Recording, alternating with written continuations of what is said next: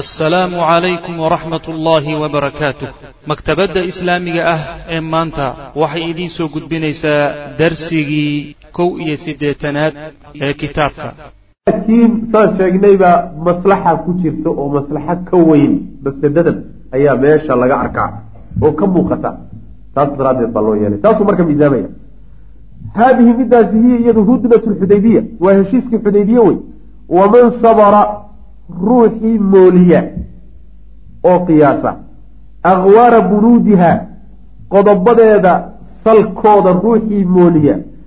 Maca khalfiyaatiha iyo waxa ka dambayn doona. Sabra wey. Sabra bilba sabr waxaa la yidhahdaa shayga tijaabintiisa la yidhahda yani waxa weye qodobadaas ruuxii ka gumgaadha oo guntooda iyo macnaha ay xambaarsan yihiin tijaabiyo si fiican u gaadha. Iyo waxyaalaha ka dambayn kara maca khalfiyaatiha waxa ka dhalan kara. Laa yashuku ruuxaasi ma uu shakinayo ruuxii aada ugu fiirsaduu ka wadaa laa yashuku ruuxaasi ma uu shakinayo. Annahaa iyadu qodobadaasi fatxun inay guul tahay cadiimun oo weyn lilmuslimiina muslimiinta inay guul u tahay.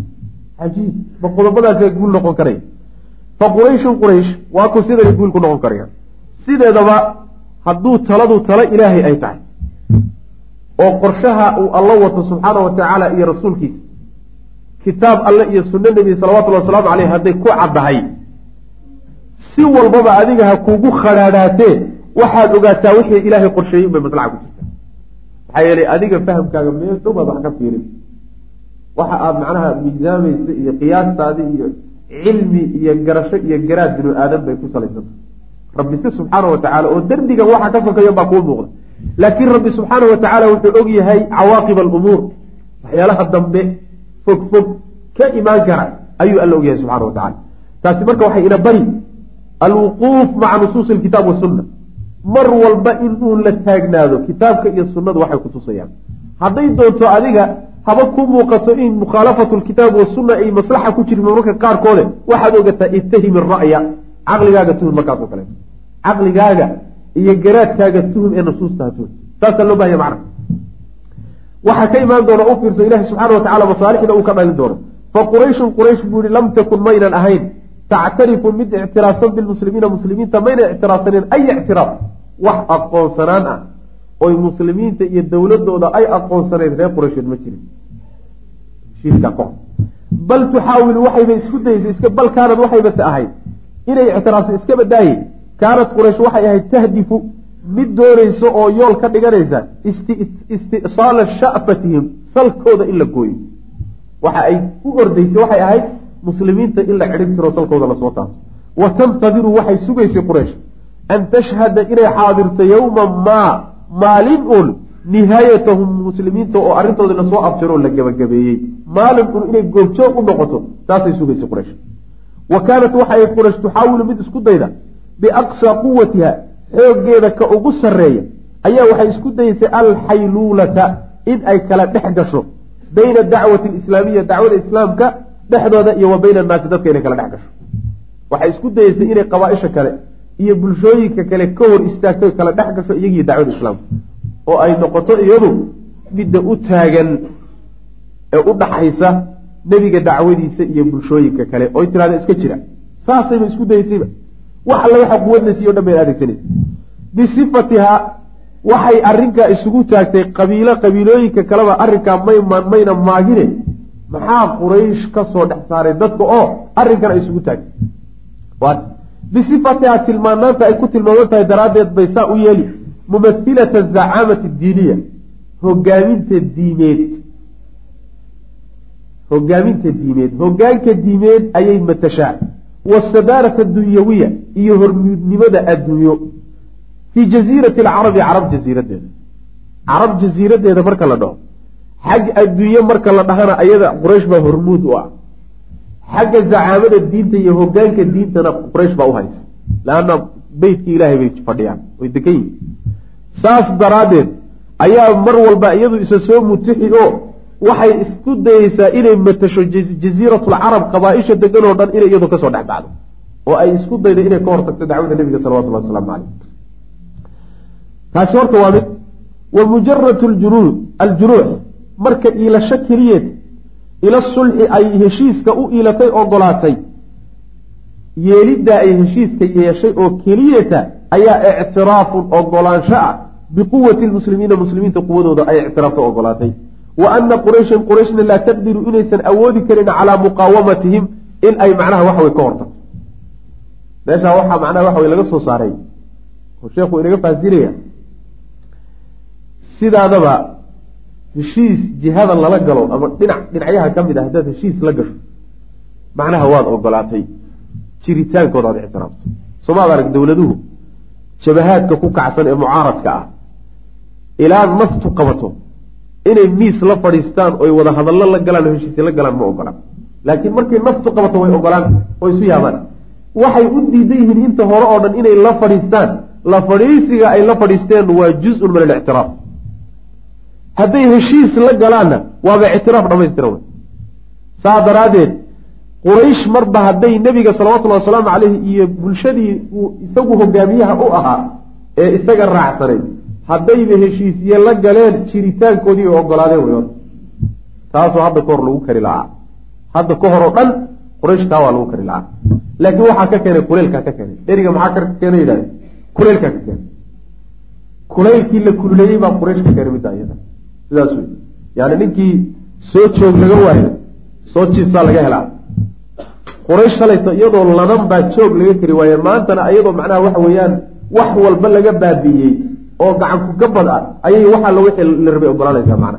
Oo ogolaanaysaa jiritaanka nabiga salawatullah waslamu aleyh dowladiisa sidaas weyaan qodobkaas horta kaasuu ahaa oo heshiiska ay gashay keliyata waa lisaalixi lmuslimiin oo ictiraaf ay ictiraafteen uma markaa kadib albandu thalith qodobka saddexaadii yadullu wuxuu kutusayaa lifaxwaahu mafhuumkiisa waxaa laga fahmaya uu kutusayaa calaa ana qurayshan quraysh nasyad inay halmaantay sadaarataha hormuudnimadeedii addunyawiyati ee xagga adduunyada wa zacaamataha iyo hogaamiyenimadeedii addiiniyati ee xagga diiniga ah. Labadaba in halmaantay baad moodaan qodobka saddexaad dib ugu laabtay waa qodobkee?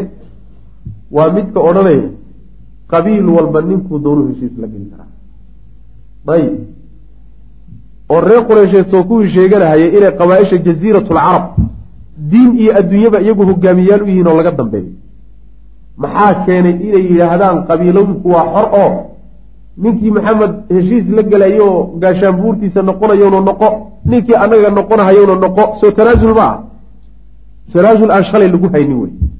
Qodobku marka si inoogu muuqdo waxaad moodaa macnaha waxa weeyaan yani waa jab ay soo jabeenoo meeshay shalayta saarnaayeen ay ka soo degeen wey maana saas wey.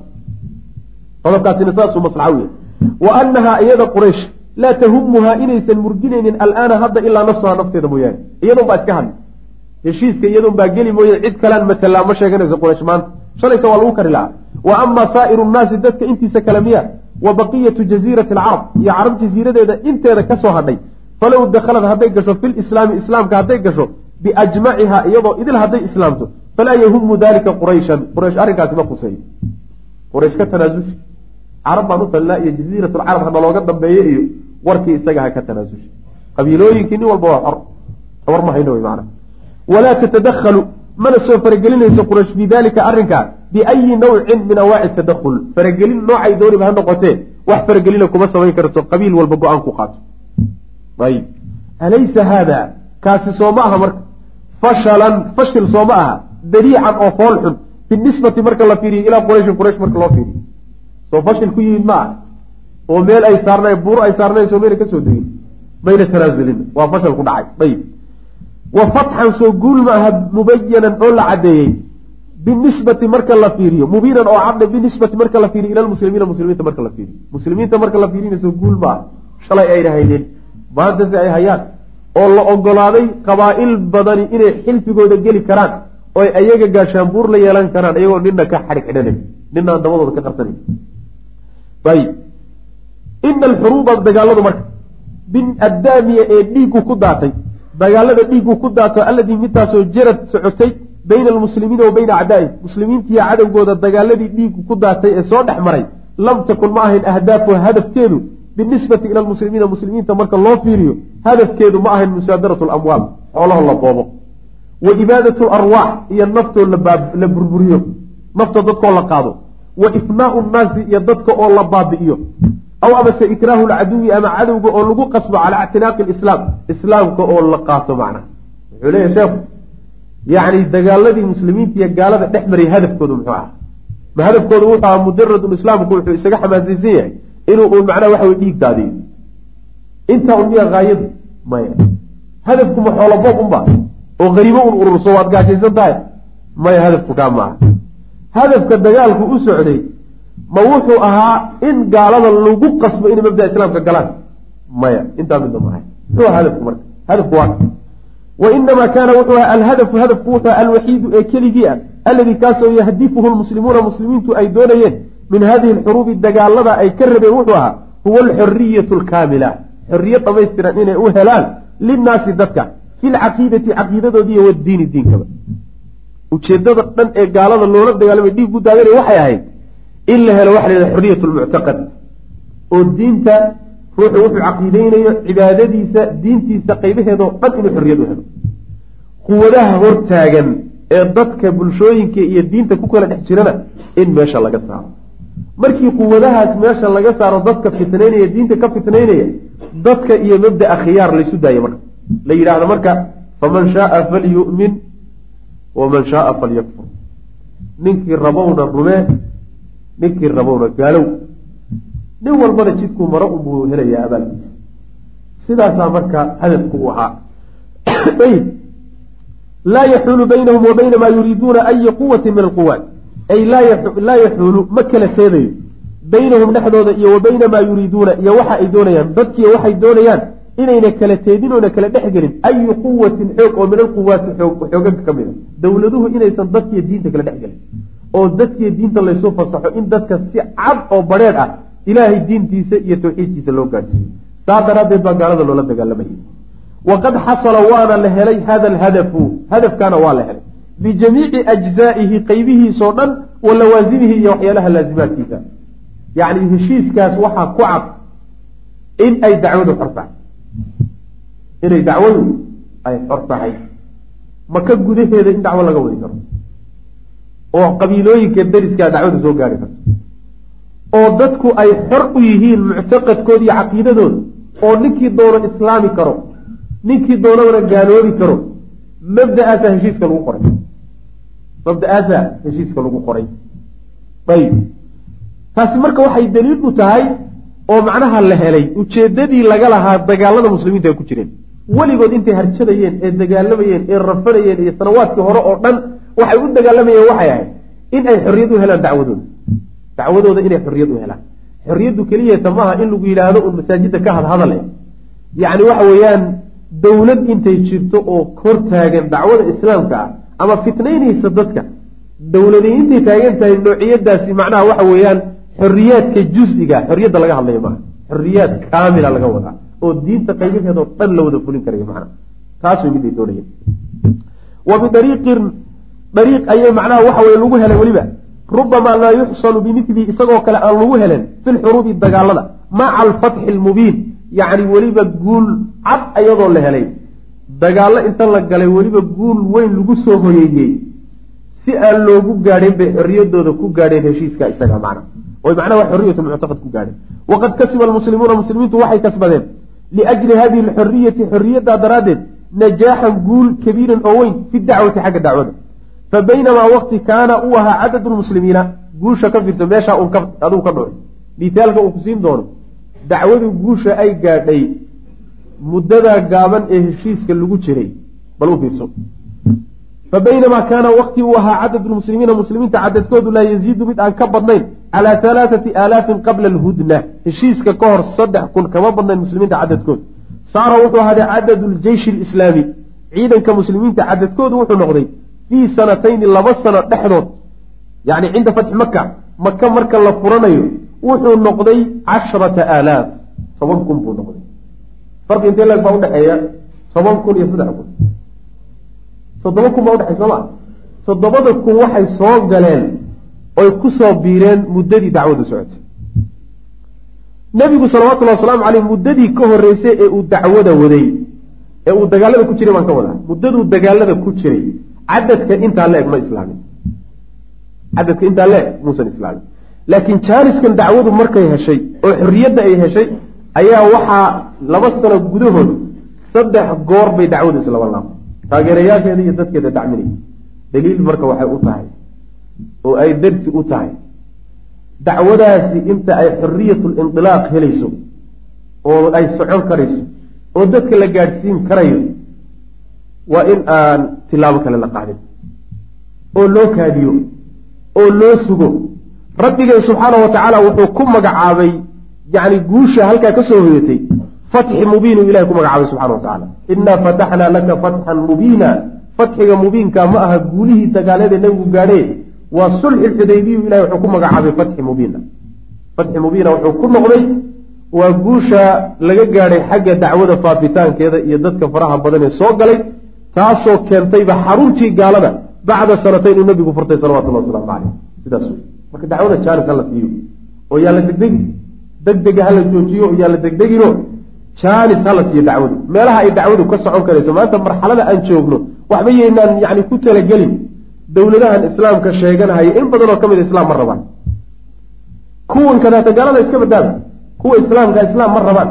Inta islaam inuu soo noqdo oo islaam macnaha waxa weye dawla u istaagto oo muslimiintu ay macnaha waxa weye cadkooda helaan doonaysaay waa inta uun macnaha waxa weye dadka saxwada la odhan karo. Ayagana bisay darro badan baa ku jirta oo qaydhiin weye oo waa yar yar oo weli khibro ma yeelanin oo macnaha meel walba waa laga haystaa oo awoodihii iyo meelihii oo dhan rag baa ku fadhiya wax lagacnaa laga dhaqaajin laha taasi marka waxayna baraysaa cahdigankaas hadda aan ku jirno duruufo fara badan baa ina saaran. Duruufahaasi marka waxay keenaysaa nin qaab markaad doonayso inaad macnaha waxa wax fuliso.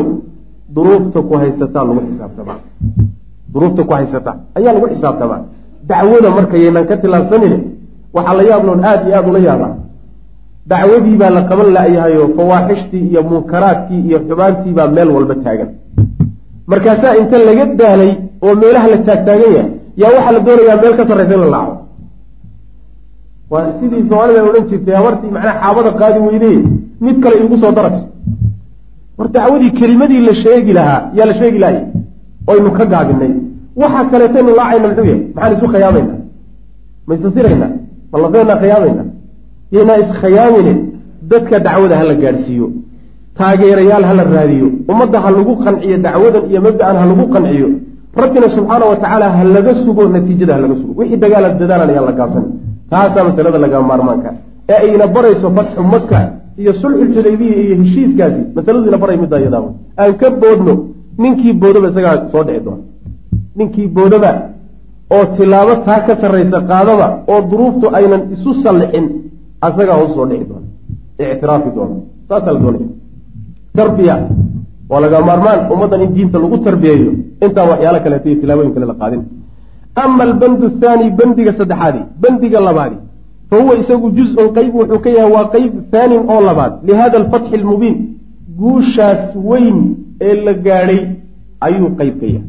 Falmuslimuuna muslimiintii lam yakunuu maysan ahayn. Baadi'iina kuwa bilaabayay bilxurubi iyagu dagaalada marka hore mayna wadin muslimiintu. Yacni bandiga labaadi waxa weeye waa bandigii ahaa dagaalka in la joojiyo muddo toban sano ah oo yaa dagaalka wadi baa ka imaanaysa. Markaan doonayna bandigaas yaa ku jabay. Ma muslimiinta lagaga sitaa mise iyagaa ku sita. Waxay u baahan tahay su'aal ka horreysa in la isweydiiyo dagaalka la joojiyey markii horeba yaa waday. Ninkii waday ee la kari la-aa ee joojiyey ee ku qasbanaaday inuu ogolaaday in la joojiyo kaasaa jabay oo soo tanaasulay ma quraysh baa mise marka waa nabiga salawatullah waslamu caleyh marka wuxuu leeyahay muslimiintu markii horeba mayna ahayn baadi'iina bilxarbi markii horeba iyagu dagaalka mayna bilaabin. Wa inamaa bada-athaa waxaa bilowday qurayshun quraysh baa bilowday.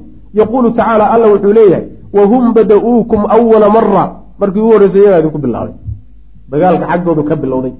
Ama almuslimuuna muslimiinta miya falam yakun ma ahayn almaqsuudu ujeedada min dawriyaatihim alcaskariya wareegyadii ciidan ee milatari ay samaynayeen ujeedadu ma ahayn ilaa an yafiiqa qurayshun ilaa an tafiiqa inay miyiirsato qurayshun quraysh.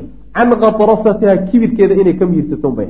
Yani ujeedaday lahayn waxay ahayd inay quraysh darsi siiyaan si ay isla weynanka iyo kibirka uga waandoonto wa sadiha iyo jeedinteeda inay ka waandoonto can sabiililah jidka ilahay dad ka jeedinayso.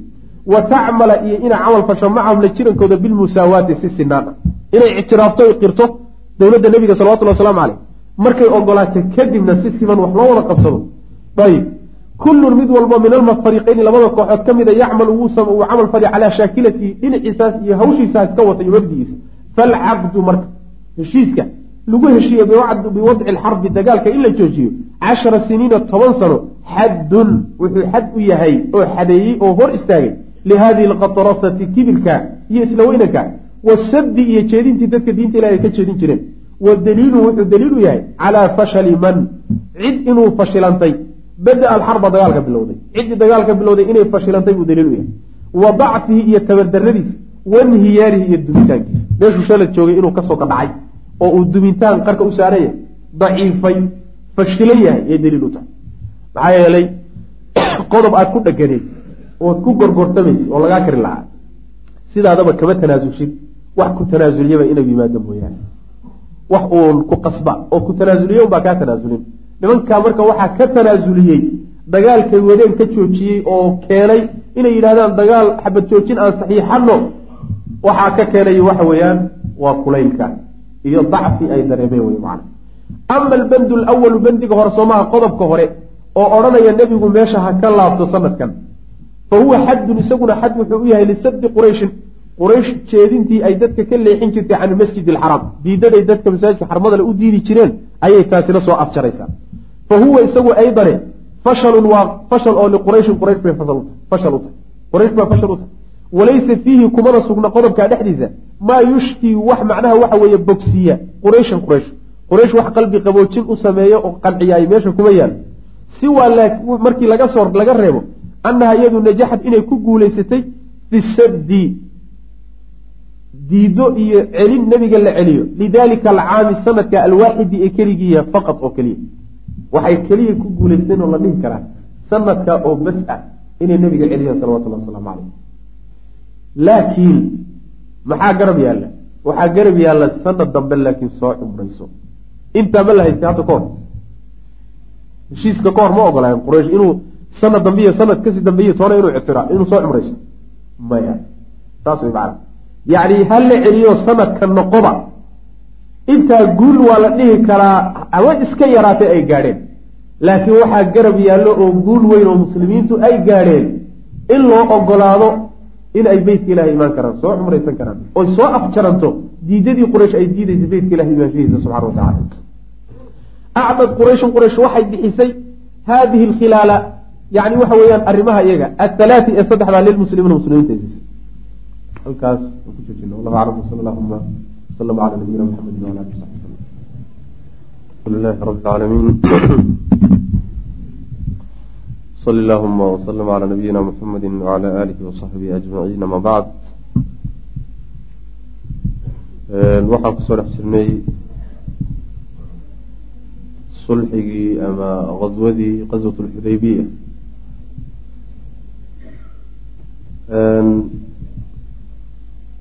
waxaan si gooniya ugu dhex jirnay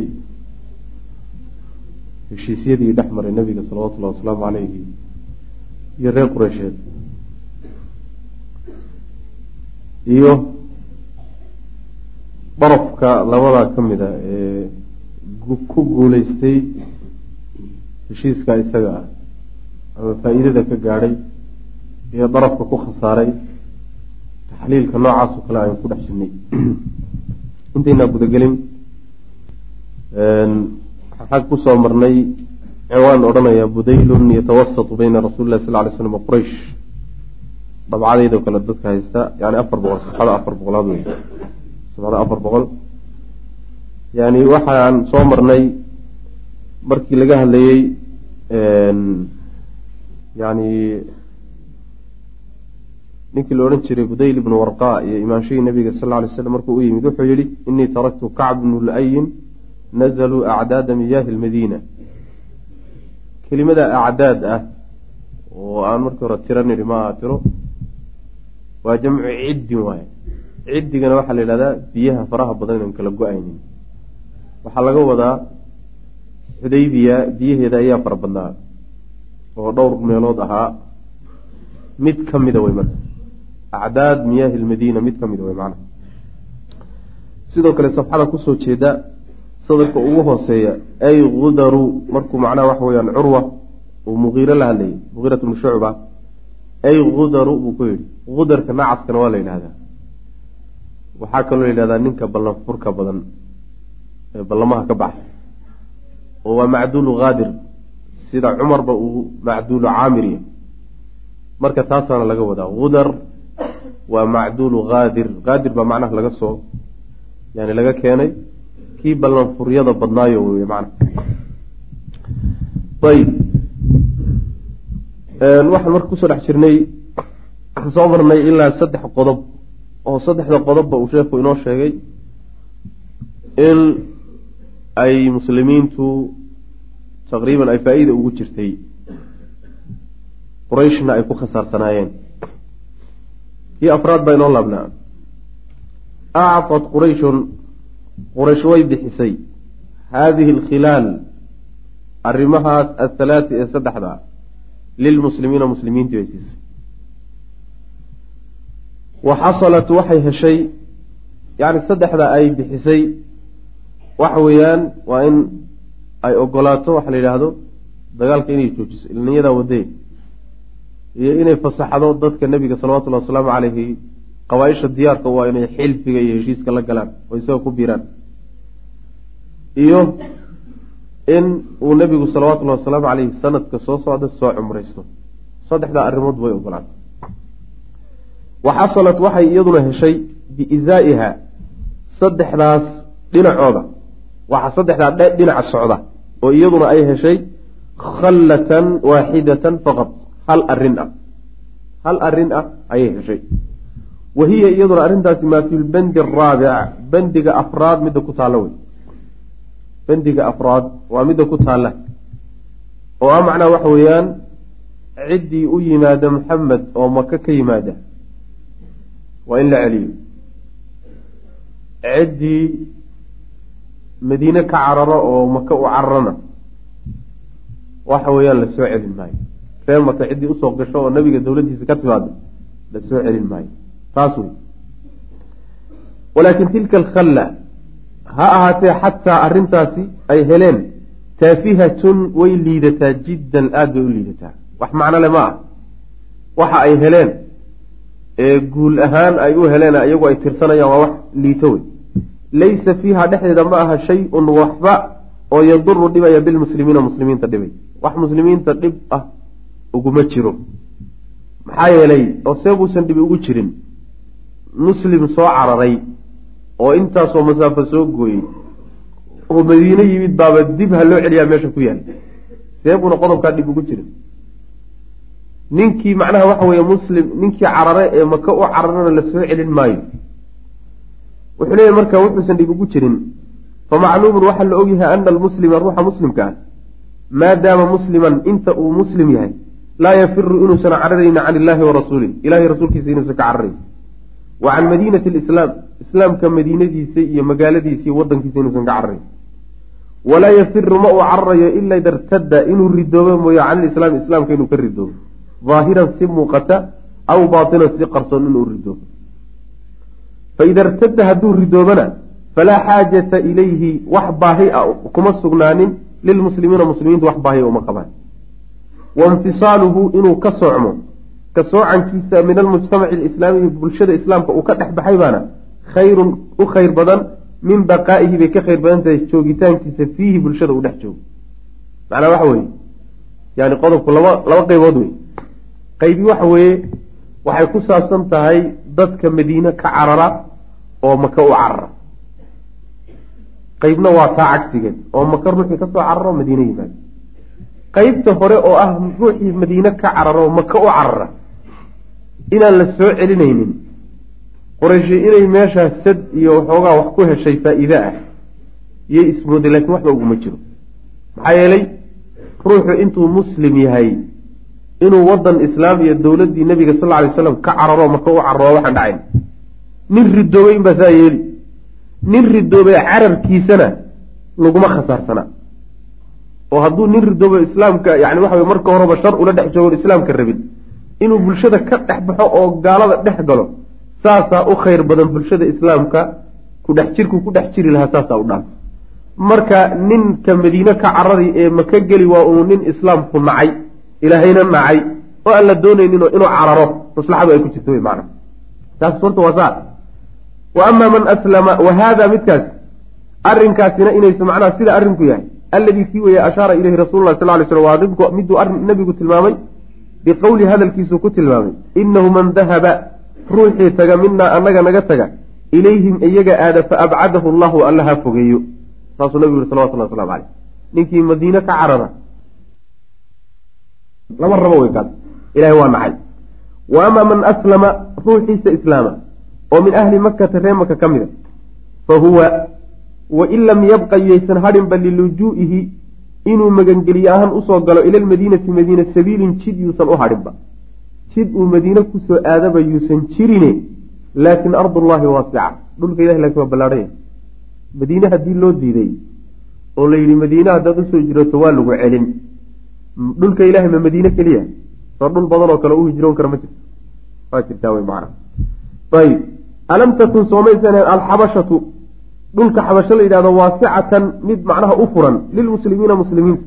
Xiinamaa lam yakun markii aysan ahayn yacrifu mid ay yaqaanaan ahlu lmadiinati ahlulmadiina can ilislaami islaamka shay waxba ayna ka aqoonin markayna ree madiine islaamkaba waxba ka ogeyn oo maka la joogay oo islaamku bilow ahaa oo xabasho loo hijrooday. Soo xabasha ma aynan soo dhoweynin oo maynan qaadin muslimiintii oo carro u hijrooday. Haawey macnaha. Ayib mar haddii dhulka ilaahay badan yaho ardul xabasha ay ka mid tahay meelaha ay u hijroon karaan madiino ma aha daruuri oo qasab ma aha. Haddii ay u soo hijroon waayaanna macnaha waxa weeye dhib inuu soo gaadhaya meelo badan oo kale u carari karaan. Oo macnaha waxa weye diintooda ula carari karaan. Ardul xabasha ay ka mid taana saasayna u ahayn. Waxoogaa nooca guul a way tahay oo ay reer qureysheed gaadheen go'aankaasi waa yaro siinaya. Laakiin waa wax aada u liita. Marka la fiiriyo yani arrimaha kale ee laga dhamaystay ee laga helay wa hada midkaasina alladii midkii way ashaara ilayhi nabiyu sal ly sl nabigu uu tilmaamay biqowli hadalkiisu ku tilmaamay waman jaa-anaa ciddii noo timaada oo minhum ree maka ka mid a sayajcalu allahu alla wuxuu u yeeli doonaa lahu isaga farajan wa makhrajan faraj iyo meel dhibka haysta uu kaga baxo ayuu ilaahay u yeeli doonaa subxana wa tacala waa inoo imaan doontaa mustadcafiintii muslimiinta ee maka oo ilaahay makhraj u sameeyey subxana wa tacala abubasiir ninkii la odhan jiray ayaa ilaahay makhraj uga dhigi doonaa oo lagu badbaadin doonaa dadkaas meeshaa joogay. Waalahdu bimili hada alixtifaad waxoogaa marka wuxuu muqaaranaynayaa sheekhu ka hadlayaa nebigu salawaatullahi wasalaamu calayhi wuu furay oo arrinkiisa wuxuu yidhi ninkii macnaha ka taga oo isaga dowladdiisa ka carara inaan loo baahnayn. Ayaguna waxaa ka muuqato nooc isxidhid ah iyo iscelin iyo dadkooday kontaroolaan nebigana taasi kama muuqato salawatullahi wasalaamu caleyh sababku muxuu yahay marka maxay qurayshina dadkeeda u kontaroolan oy u leedahay hanaloo soo celiyo? Oy dadka uga daba imaanaysaa? Nebiguna salawatullahi wasalaamu caleyh uusan taa u danaynayninba farqiga udhexeeyu ka hadla waalahdu qaadasho bimili hada alixtifaad is-ilaalintaasoo kale la qaato quraysh ay samaysay. Wa in kaana haba ahaado madhara alictizaazi sharafka iyo xoogga muuqaalkiisa kore liqurayshin quraysh haba u ahaado. Markii saa ay tidhaahdo qurayshna dadkeedaa loo soo celiyo maxamedna loo soo celi maayo muuqaalka kore haba ka muuqato inuu sharafka iyo cizigu quraysh ay leedahay oo go'aankaasi siinayo qodobkaasi uu siinayo haba ka muuqato. Laakinahu fi lxaqiiqati xaqiiq ahaan laakiin markaad u dhuuxdo yumbiu wuxuu warami wuxuu ka waramayaa qodobkaas can shiddati insicaaji qurayshin quraysh qalaqeeda darnaantiisa sida ay u qasan tahay. Wa halacihim iyo argagaxooda wa khawarihim iyo dacfigoodiiyo tabardarada ku dhacday. Taasuu ka warrami. Wa can shiddati khawfihim iyo cabsidooda daraanteeda ay u cabsanayaan calaa kayaanihim ilwatani yani jiritaankooda wataniga ah. Taasay u cabsanayaan baa ka muuqata is-ilaalintan iyo qodobkan meesha ku yaalla. Wa kaannahum waaba iyagoo kaanuu ahaa qad axasuu kuwa dareemay anna kayaanahum jiritaankooda alyowma maanta calaa shafaa jurufin inuu macnaha god qarkii saaran yahay haarin oo dumay qowraarin weyn oo dumays jiritaankoodu inuu qarka ka saaran yahay oo ay wax yar uga laaban tahayba inay baaba-aan oo dumaan saasaa ka muuqata macna oo waxay isleeyihin haddii taa la furo oo la yidhaahdo nin walba waa fasaxan yahay ninkii madiine aadi iyo ninkii maxamed rumayn iyo jiritaankooda watani inuu baaba-ayo saasaa ka muuqata. Cabsi badan iyo qalaq badan baa ka muuqda arrinka ay qabaan ka qabaan. Laabudda marka waa laga maarmaan lahu isaga min alakhdi qaadasho bimili hada alixtifaad. Is-ilaalintaasoo kale marka waa in la sameeyo. Dowladdii baa laga cararhayaa oo makaa laga cararhayaa oo bulshadii baa fakanaysa oo mabdigii baa bedelmay oo taqaaliiddii bay dadkii ka tegahayaan oo diintan cusub baa la gelayaa oo xoog dadka waa in lagu hor istaago marka. Xoog waa in lagu hor istaago oo la yidhaahdo madiine ninkii taga waa la soo celina ha ogaado. Taa unbay dadku ku istaagi saa unbayna iyaga laftoodu isleeyihiin jiritaankiina waad ku ilaalin kartaan. Ayb laakiin nabiga salawatullahi waslamu calayh wamaa samaxa bihi nabiyu sal lay slam nebigu wuxuu ogolaaday oo min annahu laa yustaraddu inaan laga soo ceshanaynin man fara ruuxii u carara ilaa qurayshin quraysh oo min almuslimiina ka mid a. Go'aankaa nebigu uu qaatay oo quraysh ruuxii u cararo oo muslimiinta inaan la soo ceshanaynin ah falaysa haada arrinkaasi muusan ahaanin ilaa daliilan. Daliil mooye calaa annahu nebigu yactamidu inuu cuskanayo calaa tasbiiti kiyaanihi jiritaankiisa sugitaankiisa. Si uu u sugo jiritaankiisa. Wa quwatii iyo xooggiisa sugitaankiisa ayuu nebigu cuskanayaa kamaala alictimaadi cuskasho dhammaystiran. Walaa yakhaafu kama umana cabsanayo calayhi jiritaanka dushiisa uma cabsanayo min mili hada shardi shardigaaso kale ugama cabsanayo. Macnaha nebigu faraha uu ka qaado ruuxii irido riixii carara la soo celin maayo. Markhaati waxay u tahay oo ay daliil u tahay inuu nebigu salawatullahi wasalaamu calayhi ku dadaalayey oo uu cuskanayey bulshada jiritaankeeda inuu xididada u aaso. Oo xoojinta bulshada xaggaasuu nebigu ictimaadayay salawatullah waslamu caleyh in mabaadida islaamka laga dhaadhiciyo oo la tarbiyeeyo oo la dhiso markuu dadka dhisto kadib wuu ku kalsoon yahay marka cabsi ma qabo. Ruuxuu nebigu tarbiyeystay salawatullahi waslamu caleyh oo diinta islaamka ku tarbiyeyey oo iimaanku qalbigiisa galay inuu cararo oo reemaka u galo cabsidaas nebiga kuma jirto salawatullahi waslamu caleyh taasuu marka isagu qaatay oo mabdaa lagu qancay qolada laakiin xoog bay doonayaan dadka inay ku hor istaagaan macna. Xusnu lmuslimiina wa munaaqashatu cumara maca anabiy sal alay wasalam yani murugtii muslimiinta dareenkay qaadeen markii go'aamadaas laysla gaadhay oo heshiisku nooca u dhacay yaa wuxuu cabirayaa go'aankii yani muslimiinta dareenkay qaateen. Murug badan inay murgeen. Iyo wa munaaqashatu cumara cumar doodiisii maca nabiy sal lay sl nabiga uu la dooday. Cumar oo nabiga la niqaashay oo go'aamadan kala niqaashay. Haadihi midaasi hi iyadu xaqiiqatu bunuudiha bunuudi hadihi lhudna. Heshiiskaas qodobadiisii xaqiiqadoodii wataas walaakin hunaaka waxaase jira daahirataani laba muuqaal oo camad ay camintay ay wada gaadhay. Liajlihimaa labadaa qodob daraaddood almuslimiina muslimiintii ay wada gaadhay ka'aabatun murug wa xusnun iyo walbahaar shadiidun oo daran. Taa waa qodobadii heshiiska ku dhacay. Laakiin laba arrimoodoo meesha waxaa ka soo baxay iyaga daraaddood muslimiinta ay u wada gaadhay waxa la yidhaahdo murug iyo walbahaar wejigooda ka muuqday. Labada arrimood maxay ahayd aluulaa midda koowaad waxay ahayd annahu nebigu kaana wuxuu ahaa qad akhbarahum mid u sheegay saxaabada annaa sana'ti lbeyta inay kacbada tegi doonno u sheegay. Fanaduufu bihi waynu dawaafi doonaa. Famaa lahu maxaa u sugnaaday marka yarjicu uu laabanayaa walam yaduf bihi isagoon dawaafin.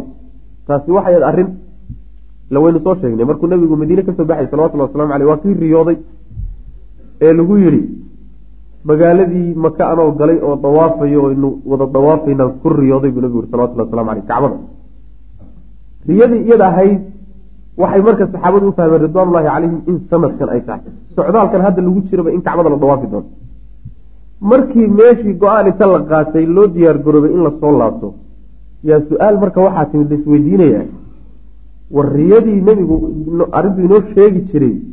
Aawey waa kanoo soo laabanayo inagoon kacbadii tegin waxba dawaafin baynu noqodnahay oo jidkii baan dib u qaadaynaa nebiguna waa inoo sheegay salawatullahi waslamu aleyh inaan kacbada dawaafi doono.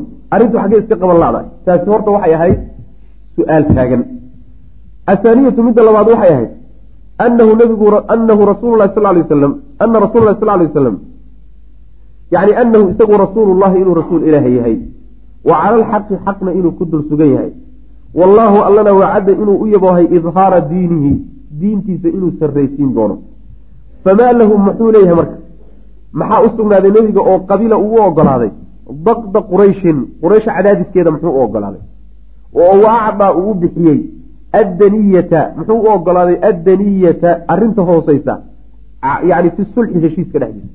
Heshiiska muxuu u qaatay waxyaalaha liita iyo go'aamadaasi dulmigu uu ka muuqdo muxuu u qaatay? Waaba rasuul ilaahi ilaahay baa garab taagan. Ballan a waxaa la siiyey idinkii nimankaasi haddaad islaysaan inaad ka adkaanayso oo ilaahay kaaga hilinayo waa xaq buu ku socdaa. Muxuu waxyaalahan kadaata u ogolaaday liita oo macnaha waxa weye u qiray. Su'aashaana midda labaadee taagan bay ahayd macna labadaas su'aalood baa waxay ku dhaliyeen muslimiinta murug iyo walbahaar fara badan iyo qalab. Ayb kaanat waxay ahaayeen haataani daahirataani labada muuqaalba masaara araybi arrayb shaki kuwa curyay ahaayeen. Washukuuki yani rayb washukuuki iyo macnaa shakiyo. Walwasaawisi iyo waswaasiyo wadunuuni iyo tuhmooyin malooyin fara badan. Yacni waxay arintaasi labadaas su'aalood oo taagani waxay muslimiinta nufuustooda ku beerayeen oy mar walba curinayeen oo kiciyinayeen shaki badan iyo waswaas iyo malo badan iyo macnaha waxa weeyaan qalbigoo kolba meel macnaha madaxa ku diro oo yidhahdaan war waxan maxaa looga jeeday? Oo qaabkee waxyihiin su'aalahaasaa marka taagnaa ayb wa saarat waxay noqotay mashaaciru lmuslimiina muslimiinta dareenkoodii wuxuu noqday liajlihimaa labadaa arrimood daraaddood jariixatan bay noqotay mid dhaawacan. Dareenka muslimiintana dhaawac baa soo gaadhay labadaas su'aalood daraaddood iyo labada arrimood ee taagan. Bixaysu meel halaba uu ka tambatay alhamu murugta iyo walxusnu walbahaarku cala tafkiiri fikirkii muslimiinta ayuu ka tambatay fii cawaaqibi bunuudi sulxi heshiiskan qodobadiisa cidhibtooda dambiya waxay ku dambayn doonaan laga fikiray. Yacni fikir laga fikirayo war waxan maxuu ku dambayn doonaa. Dad muslimiina oo soo cararay miyaa la celin? Soo nimankii ree maka oo awood iyo waxoogaa quwad isbiday meesha kaga muuqato talo maxaa ka soo bixi doona fikirku saasuu ku wareegaya. Qodobadan heshiiskan maxaa ka soo bixi doona? Cidhibtooda dambiya wax ka imaan doona ayaa wuxuu qabsaday tafkiirka muslimiinta iyo qaab fikirkooda macnaha walacalla waxaa laga yaabaa acdamahum kooda ugu weyn xusnan saxaabada ninkii ugu weynaa xusnan xagga murugta kaana inuu ahaa cumar ibnu khadaab radia allahu canhu. Ninkaasaa laga yaabaa inuu ugu murug badnaa. Maxaa yeele waa muujiyey isaga waa la joogi kari waaye. Faqad jaaa waa yimid ila nabiy sal lay sl nabigu u yimid oo qaala wuxuu yihi yaa rasuul allah rasuulka ilaahi alasnaa miyaanaan ahayn calaa xaqin xaq soo kuma dul sugnin. Wa hum gaaladuna calaa baailin iyaguna soo baail kuma dul sugna. Waxaan wadana soo xaq ma ah. Iyaguna soo baail ma wataan. Qaala nabigu wuxuu yihi sal lay waslam balaa saas wey qaala wuxuu yihi alaysa soo ma ahanin qatlaana?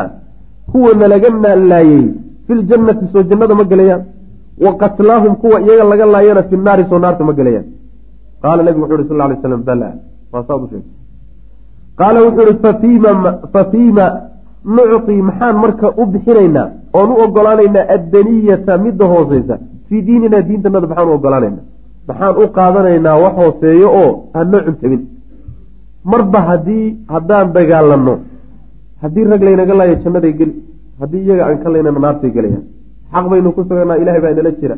Ayagana garabkoodu waa madhan yahay cidina ma taagna. Nimanka marka inaynu waxa noocan oo kale ka ogolaano maxay ku dhacday oo wanarjic oo weliba aynu laabanno. Walamaa yaxkum illaahu iyadoo uusan alla kala xugminin baynana wa baynahum annagiyo iyaga iyadoo ilaahay uusanna kala saarin oonaan xoog ku kala bixin. Maxaan waxaan liita u qaadanaynaa oon u aqbalaynaa oynu isaga laabanayna. Qaala nabigu wuxu uhi sal lay slam yabna alkhaaab ina khaaabow inii anigu rasuulu llah rasuul ilaahi baan ahay walastu acsiihi mana caasinayo.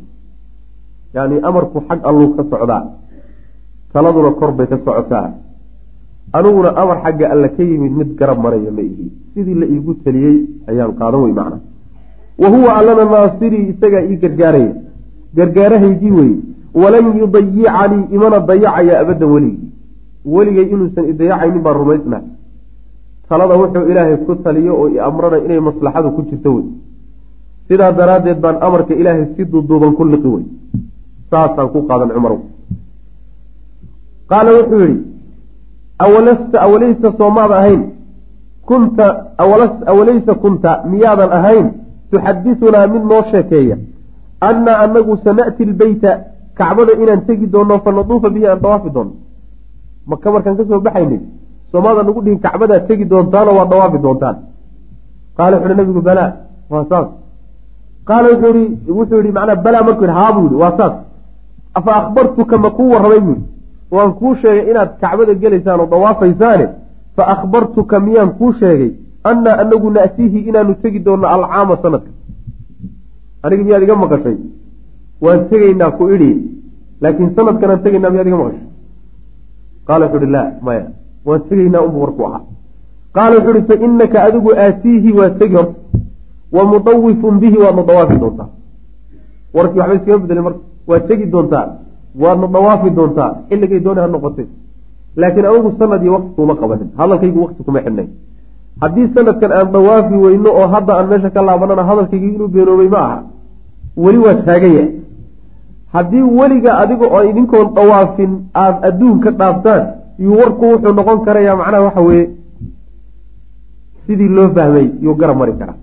Laakiin inta aada nooshihiinba waa taaganta waa imaan kartaa oo ficlan sannadkii ku xigay bay dawaafeen oo ay galeen kacbada heshiiskaba sidii ku taala ayb uma indalaqa cumaru cumar marka waa tegey mutagayidan isagoo aada u cadhaysan isagoo aada u murugsan oo murug ka buuxdo ayuu nebiga ka tegey.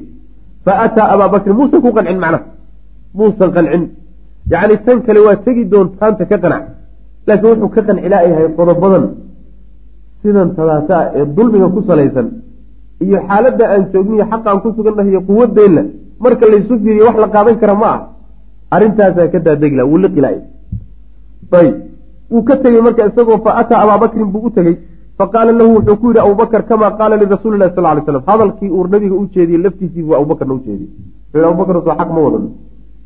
Ha soo rasuulka ilaahay maaha ha soo ilahay uma ballan in diintiisa uu xoojinayo oo gaalada uga hiilinayo ha ayb hadduu arinku sidaas yahay kuwana laga laayo soo jannada ma gelayaan kuwa laga laaya naartiga ma gelayaan ha maxaan waaye waxaan u qaadanayna? Maa nimanka la dagaalanoon iska celino inta ilahay naga kala saarayo subxana wa tacala ayb wa radda caleyhi wuxuu ugu jawaabay abubakar wuxuu ugu jawaabay kamaa radda caleyhi rasul lah sal lay slam rasuulku jawaabtiisii sawaa oo la siman. Yacni jawaabtii nebigu bixiyey lafteedii yuu abubakarna ku jawaabay radia allahu canhu arda isma oga. Markaasaa weliba wuxuu u raaciyey arrinku waa sidaasi amar ilaahay buu ku socdaaye fastamsik qabso buuhi bikarzihi koorihiisa qabso xataa tamuuta ilaad ka dhimato. Warka faraha badan cumar uu joojiyey. Meesha tale ilaahay baa ka socotay nebiguna waa ma'muur eh. Taa isaga lagula teliyey uuna ku socdaa xaq eh amarkiisa qaada buui hana gara marin. Fa wallaahi ilaahay baan ku dhaartay inahu isagu la cala alxaqi xaq buu ku dul sugan yahaye sidaa u qaada buu yihi oo amar qaado cumarow saasuu abubakar ku yidhi cumar radi allahu canhum wa ardaahum marka waxay kutusaysaa oo laga qaadanaya xadiidka yacni xikmadda ku jirta haddaad naska ilaahay uu soo dejiyey amarka ku yimaado kitaabka qur'aanka ama xadiidka nebiga sal lla alay wasalam ama cilada iyo maslaxada ku jirta faham ama ha fahmine waa inaad duduubka u qaadato. Marba haddaad hubsato inuu sharci ilaahay yahay oo aad taa ogaato shardi maaha inaad ogaato maslaxada ku jirta iyo cilada loo jideeyey iyo xikmadda ku jirta. Inaad ogaato shardi maaha. Waxaa kugu filan xagga ilaahay buu ka yimi. Rasuul ilaahay baa yidhi khalaas amar qaadaa lagaa dooni marka. Waxaa kaloo laga qaadanaya ay kutusaysaa abubakar radi allahu canhu inuu ahaa afqaha saxaaba. Saxaabada ninka ugu faqiihsan ugu cilmi badan. Wa aclamahum bimaqsuud illah bimuraadi illahi wa muraadi rasuulihi sal alay wasalam ninka ugu yaqaana ilaahay maqsadkiisa iyo maqsadka nebigiisa ninka ugu yaqaanu ahaa ninka ugu deganna waa aha taqriiban maxaa yeelay cumar radi allahu canhu xaaladdu markay sidan uga wareertay jawaabta waxaad isu fiirisaa nebigu siiyey iyo jawaabta abubakar siiyey waa isku mid marar badan oo kaleeto xaaladdu cumar ka warartay waa jirtaa oo ilaahay abubakar uu ku qabtay sidii nebigu markuu geeriyooday salawatullahi wasalaamu caleyh mowqif labaad buu ahaa seefta iskala baxay. Car waa ninkii yidhaahda maxamed waa geeriyooday qoortii ku oli maysa buui abubakar baa yihi malukaadi aayaddu ku dul akriyey oo dadkii dejiyey oo markii dambe cumar soo degay. Waxaa ka mid ahayd markii nimankii ay bulshadu ridowday oo dad badan ay ridoodeen cumar bin khataab radi allahu abubakarna uu go'aansaday inuu la dagaalamo. Abubakar cumar waa ka hor wuxuu yihi ma dad laa ilaaha ila allahu le baad la dagaalami markaasu wuxuu yihi ciddii iska dhaaf laa ilaaha ila allahu ee ii diida zakada wax yar ama waxar ama seeto ii diida. Waa la dagaalami cumar markii dambe waa ku qancay wahaakada yani abubakar wuxuu ahaa afqaha asaxaabati yani bilijmac kulligood ninka ugu faqiihsan ee ugu cilmi badan buu ahaa.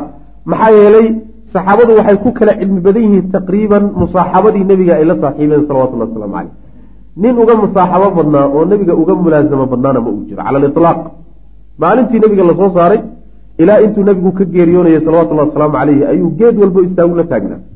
Wax walba iyo waqaacidiis o dhan buu marka hayaa. Sidaas way macana fadliga abubakar way marka kutusi uma naزlat waxaa soo degtay markaa kadib inaa fataxnaa laka fatxan mubiina. Suuraddaasaa soo degtay. Inaa anagu fataxnaa waan furnay laka adiga fatxan yani waan kuu gargaarnay. wey fatxan mubiinan guul weyn ayaanu ku sinay ilaa aakhiri suura laga gaaro faarsala rasul lah sal lay sl nebigu wuxuu markaa u cidiray ilaa cumara cumar baa loo cidiray. U yeedha layihi cumar. Faaqra'ahu wuu ku dul akriyay iyaahu isaga. Wuu akrisiiyeyo bal suuradan akri buri suuraddanaa soo degtay inaa fataxnaa laka fatxan mubiina. Waa sulxigii heshiiskii xudaybiyo faqaala wuxu uhi yaa rasuul allah rasuulka ilaahi awa fatxun huwa? Ma guulba? Ma nasriba? Qaala wuxu uhi nacam. Fataabat nafsuhu markaasay cumar naftiisii degtay wa rajaca waana laabtay. Markaasuu xasilay xagga rabibaa amar ka yimi oo sulxigii iyo heshiiskii iyo wixii meesha ka dhacay laguba tilmaamayo inay muslimiintu ku guulaystay iska badaaye. Guul weyn inuu yahay bu ilahi ku tilmaamaya subxana wa tacala oo muslimiinta u soo hoyatay. Uma markaa kadib nadima wuu qoomamooday. Cumaru cumar wuu qoomamooday wuu ka nadaamooday camaa calaa maa farata minhu wixii ka soo fulay wixii ka dhacay nadaman qoomamo shadiidan oo daran wixii uu ku kacay aad buu uga xumaaday markuu dib iska xusuustay kadib oo arrintuu degtay. Qaala cumar wuxuu yihi facamiltu waan shaqeeye waa camal falay lidaalika arrinkaa daraaddii acmaalan camalyaal fara badan. Yacni khaladka maalinkaa iga dhacay. Camal badan oo ilaahay inuu iigu dhaafo aan doonayo gefka maalinkaa aan galay ayaan dib kala imid buuri maa ziltu ma aanan ka zuulin buuhi atasadaqu inaan sadaqaysanayo wa asuumu inaan soomayo wa usallii inaan tukanayo wa actiqu inaan qooraha xoraynayo min aladii kii daraaddii baan saa u yeelay sanactu aan sameeyey yowma idin maalinka. Maalinka wax iga dhacay ayaan intaasoo camala dartii u sameeyey si ilahi subxana wa tacala igu dhaafo. Makhaafata kalaamii hadalkaygii kacabso aan ka cabsanayo alladii hadalkaasoo takalamtu bihi aan ku hadlay. Xataa rajawtu ilaa aan ka rajeeyey an yakuuna inuu ahaado khayran wanaag. Ilaa ay nafteyda ka gasho alilahi wax badan baad la timid khayr buu iska noqon doonaa ilaa aan ka rajeeyo macna. Sidaas weyaan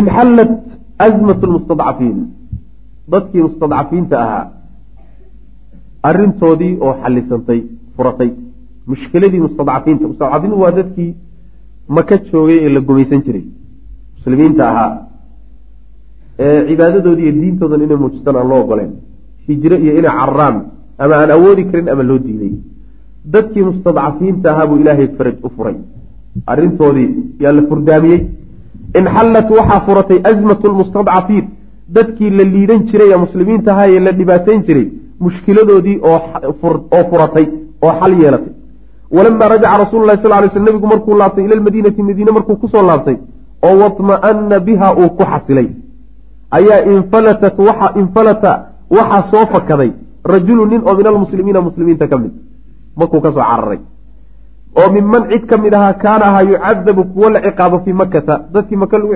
ciqaabi jiray nin ka mid oo muslima maka ka soo fakaday. Wa huwa isaguna abuu basiir wey.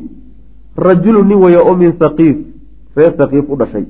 Xaliifun laakiin wuxuu macnaha bah la yahay. Liqurayshin quraysh buu bah la yahay. Quraysh bay gaashaanbuur leeyihiin oo lagu tiriya oo ka tirsan yahay. Laakiin dhalasho ahaan reer haqiif buu dhashay. Magaciisa waxaa la yidhahdaa cutbat bnu usayd baa la yidhahdaa laakiin abuu basiir buu ku magac dheray fa arsaluu way direen fii dalabihi raadintiisii bay rajulayni laba nin u soo direen. Way ka daba yimaadeenoo laba nin baa ka daba yimid oo nabiga u yimid salawatullah waslamu caleyh wa qaaluu linabiyi sal lay sl nabiga waxay ku dhaheen alcahd aladii jacalta lana yani awki lana alcahda ballankii noo noo fuli alladii ballankaasoo jacalta lanaa aada noo yeeshay ballankii naga dhexeeyey hadday taagan tahay noo fuli oo ahayd ciddii maka ka timaada in laydin soo celiyo fadafacahu nabiyu sal lay sl nabigu wuu dhiibay abuu basiir ila arajulayni laba nin labadii nin buu gacanta ka geliyey. Labadii nin ee socday odayaasha ahay maka ka yimid ayuu qabsaday. Fakharaja bihi way la baxeen xataa balagaa mar ilaa ay ka gaadheen dalxulayfa. Dalxulayfa meeshira ilaa ay ka gaadheen. Waa meesha yani waa madiine qarkeeda wey meesha laga soo xarmado wey dalxulayfa halkaasay la gaadheen. Meeshaa markay la sii socdaan fa nazaluu way degeen ya'kuluuna ayagoo cunaya min tamrin timir oo lahum iyagoo sugnaatay waxoogaa sahay oo timir way wateen iyo intay geed ku harsadeen bay meeshaas inay marka qadeeyaan oo cuntaayaan ayay macnaha u degeen fa qaala abuu basiir wuxuu yidhi liaxadi rajulayni labadii nin mid ka miduu la hadlay marka wuxuu ku yidhi wallaahi ilaahay baan ku dhaartay innii la araa waxaan arkaa buu yidhi sayfaka seeftaada haadaa eetanayaa fulaanu hebelow jayidan inay aada u fiican alla seeftaadu fiicana buiniyo war xageed ka keentay. Baashan qiimo badana. Fastallahu seeftii baa waxaa soo siibay alaakharu kii kale. Macnaa abubasiir mooye ninkii uu la hadlayey ee seefta lahaa ayaa markiiba seefta gal ka subsiiyey waa nin la ammaanay. Faqala wuxu uhi ajal haa. Alele way fiican tahay. Inay fiican tahay waan ku ogaa. Wallaahi ilaahay baan ku dhaartay inahu isagu la jayidun waa fiican yahay. Laqad jarabtu bihi waan ku tijaabiyey uma jarabtu waan ku tijaabiyey bu intaasoo goor baa wax ku tijaabiyeyo rag kula dagaalamayo waxa way si fiican bay ii anfacday faqaala abu basiir wuxuu yihi arinii andur ilayhi bal iftus aan arke balkeen aan si fiican indhaha uga bogtoon fiiriye faamkanahu minhu waa u dhiibay fadarabahu waa ku dhuftay xataa barada ilaa uu macnaha wax naftu ka baxday tuu seeftii ka qaatay iyuu markiiba qoorta ka gooy ilaa uu qaboobay. Berada waxa la yidhahdaa markay naftu ka baxdo xubnuhu ay degaan ayaa berada la yidhahdaa. Wa fara alaakharu mid halkaasu ku tegey? Abubasiirkuna waa ka xoog badnaa labadooduba. Wa fara wuu cararay alaakharu kii kale xataa ata almadiinata ilaa uu madiine soo galayba isagoo carar xagga muusan u cararin iyo makee maka way fog tahay hadduu maka u cararo intuu ka daba tago oo meel ku gaadhu dili. Meesha marka dad uun ugu dhow oo madiine abuu dib ugu soo cararay fa dakhala almasjida masaajidkii buu soo galay yacdu isagoo ordahayo oo cararay faqaala rasuulu lah sal ly sl nebigu wuxuu ihi xiina ra'aahu markuu arkay ninkanoo cararhayo naxsanoo indhaha taagayo markuu arkay ayaa wuxu uhi laqad ra'aa hada ducran walle kani argagax waa arkay buu nebigu yuri salawatullah waslamu caleyh yani fulinimada ka muuqatay iyo naxsanaanti walle waa arkay wax macnaha ka cabsi falama intaha ila nabiy sal lay slam markuu nebiga soo gaadhay ayaa qaala wuxuu yihi qutila saaxibii saaxiibkay waa la dilay. Wa inii aniguna lamaqtuulun anna waa dil lahay buui haddaydaa ninka iga gaadhin. Yani ninkii aan saaxiibkale wada soconay teg anuguna waa ka daba socdaa buui ninka haddaydaan iga qabanin. Fa jaa waxa yimi abu basiir baa yimid wa qaala wuxu uhi yaa nabiy allah isagoo daba ordayay ayuu ka soo dabagalay markaasa wuxu uhi yaa nabiy allah nebigi ilaahay ow qad wallaahi ilaahay baan ku dhaartay awfa allaahu ilaahay waa oofiyey dimmataka ballantaadii ballantii aada gashay ee nimanka la gashay ilaahay waa kaa guday oo waa dhacday. Maxaa yeelay maadaama aada gacanta iga gelisood ii dhiibtay adiga ballantii wix idinka dhexeeya gudatay. Qad radadtanii waad i celisay ilayhim iyagaa iyagiiaad ii celisay. Uma anjaaniya allaahu ilaahay baa iga badbaadiyey minhum xaggood. Qaala rasuulu lah sal lay waslam wuxuu uhi nebigu wayla ummihi hooyadii inkaarantaye miscaru xarbin waa dagaal huriyo wey dagaal ogo wey low kaana lahu axadun hadduu rag u hiiliyo heli lahaa alla muxuu dagaal oga yahay hadduu rag heli lahaa buu nabigu yuhi salawatullah wasalaamu caleyh weyla ummihi yani habaar ma aha laakiin asalkeedii habaar bay ahaan jirto gadaal dambe waxaa loo adeegsaday adiguun yani macno saxa loo adeegsadoon habaar ahayn macna miscaru xarbin ama miscara xarbin dagaal huriyo weye ee dagaal oogay low kaana lahu axadun yacni ruux u hiiliya hadduu heli lahaa alla muxuu dagaal oogi lahay oo dagaalami lahaa buu nabigu ku lehay salawatullah waslamu caleyh falamaa samica dalika arrinkaa markuu nebiga ka maqlay ayaa carafa wuxuu gartay abubasiir annahu nebigu sayarudduhu inuu celin doono ilayhim iyagoo celin doono. Maxaa yeelay low kaana lahu axadun ruux garab istaagoo u hiiliya hadduu heli lahaa yuu ka fahmay ninkani in mar labaad la celin doono. Khalaas. Fakharaja waa baxay. Go'aan buu qaatay marka duurka inuu iska galo oo meelaha dhul jiifeeyo ayuu marka go'aan ku qaatay fakharaja waa baxay waxay leeyihiin yani shuraaxda xadiidku waxay leeyihiin muxadidiintu waxay leeyihiin khaasatan xaafid ibn xajar iyo waxa uu leeyahay qowlka nebigu leyahy sal alay wasalam miscara xarbin low kaana lahu axadun. Waxoogaa waxay tilmaamaysaa oo uu u sarbeebayaa buu leeyahy waa hadal sarbeeb ahoo inuu duurka galo yaa loogu sarbeebaya waa hadal sarbeebku sidoo kale ahoo wuxuu u dhacayaa qoladii maka joogtay mustadcafiintaana waa u dhacayaayo inay u yimaadaan oo meeshuu gala ay u yimaadaan oo meeshaa isku gaashaan buursadaan na waa u dhacaya. Hadalka mar hadduu sarbeeb yahay bay leeyihiin marka. Dad baad heshiis kula jirtay. Heshiiskii dad lid ku ahoo la dagaalamayo iyaga dhib u geysanaya haddaad hadal sarbeeb ah wax inaad ku faasiso isku daydo heshiiskii maada ka bixi laakiin hadal cad oo qayaxan haddaad tidhaahdo heshiiska bax wey macna nebigu marka toos uma odhanine laakiin waxoogaa hadal sarbeeboo uu fahmi karo. Waana fahmeen ficlan ayuu wax ku faasiyo ku siiye walaalayaal darsigaani halkaas ayuu ku eg yahay. Allah tabaaraka wa tacaala waxaan ka baryaynaa inuu nagu anfaco. Assalaamu calaykum waraxmat ullaahi wbarakaatu